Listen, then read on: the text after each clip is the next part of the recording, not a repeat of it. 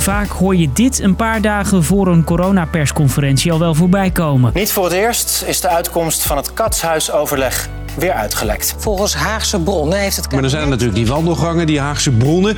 Die weten wel welke kant het opgaat. De coronapersconferenties van de missionair premier Rutte en minister De Jonge zijn daardoor niet altijd meer even spannend. Het was geen spannende persco. Nee, maar dat is het eigenlijk nooit meer. Nee, nee, maar dat komt ook door hem, hè? Ja. Door die Xander van der Wulp. Jongen, jongen, die man die voor elke persco in beeld komt om de hele inhoud te verklappen. Veel van de politieke plannen uit Den Haag lekken vaak al eerder uit, dankzij dus die Haagse bronnen. Wie zijn die bronnen en waarom houden ze het nieuws daar in Politiek Den Haag niet gewoon voor zich? Ik ben Marco en dat leg ik je uit. Lang verhaal kort. Een podcast van NOS op 3 en 3FM.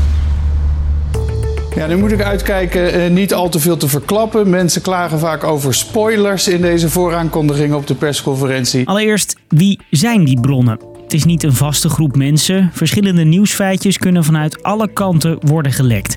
Maar de bronnen hebben vaak wel één ding gemeen. Ze werken allemaal in de politiek.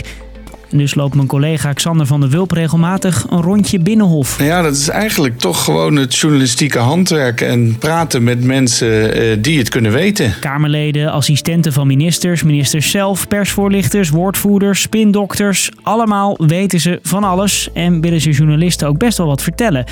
Waarom? Dat vertel ik je zo. Eerst over die bronnen, want die hebben liever niet dat iedereen weet dat zij het nieuws hebben gelekt. Dus vertellen ze hun verhaal anoniem.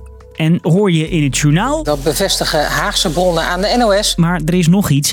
Met corona gaan niet alleen mensen in Den Haag over het beleid. Ook mensen uit de zorg, bij het RIVM van het Outbreak Management Team praten mee over de coronaregels. Menno de Jong is lid van dat Outbreak Management Team. Eén zekerheid is er wel dat elke versoepeling leidt tot meer infecties. Na het begin van de coronacrisis was het voor sommige van die mensen nog eventjes wennen. Ze hadden nog niet zoveel mediaervaring en wisten nog niet allemaal dat het soms onhandig is om iets al tegen een journalist te zeggen. Schijnt dat OMT-leden daarom tegenwoordig een geheimhoudingsverklaring moeten tekenen om lekken naar journalisten te voorkomen.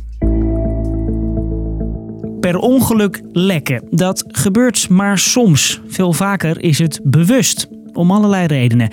In het geval van de coronamaatregelen lekken politici bepaalde plannen om te kijken hoe erop gereageerd wordt. Het kabinet wil ook een beetje de verwachtingen managen. Hè? Die wil het ook een beetje de goede richting insturen. Ze willen niet dat mensen naar de televisie kijken en dat mensen denken: wat gaan ze nu allemaal weer doen? Maar ja, dat heeft ook nadelen. Hallo Xander, spoiler! Echt vreselijk, die Xander. Ja, Vaak is lekken dus puur eigen belang. Als een OMT-lid zijn of haar medische advies aan het kabinet van tevoren al lekt, dan is het voor de politiek lastig om daar nog tegenin te gaan. Anders weet iedereen dat het kabinet niet kiest voor wat volgens gezondheidsexperts het beste is.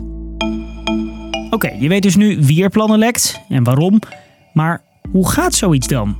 Lekt iemand een bepaald plan aan een collega van mij, dan is dat nog niet per se nieuws. Dan wordt de boel eerst gecheckt bij minimaal twee bronnen uit verschillende hoeken van de politiek. En het afgelopen jaar, met de coronamaatregelen, gebeurt dat lekken net wat vaker. Wij willen het weten. Ik denk dat heel veel luisteraars willen weten welke kant het op gaat. Mensen vragen mij deze dagen ook de hele tijd: hoe zit het dan precies? Nou, dan zeg ik: Nou, dat weet ik niet precies, maar het gaat ongeveer deze kant op. Dus, lang verhaal kort, er wordt vanuit alle kanten gelekt in Den Haag.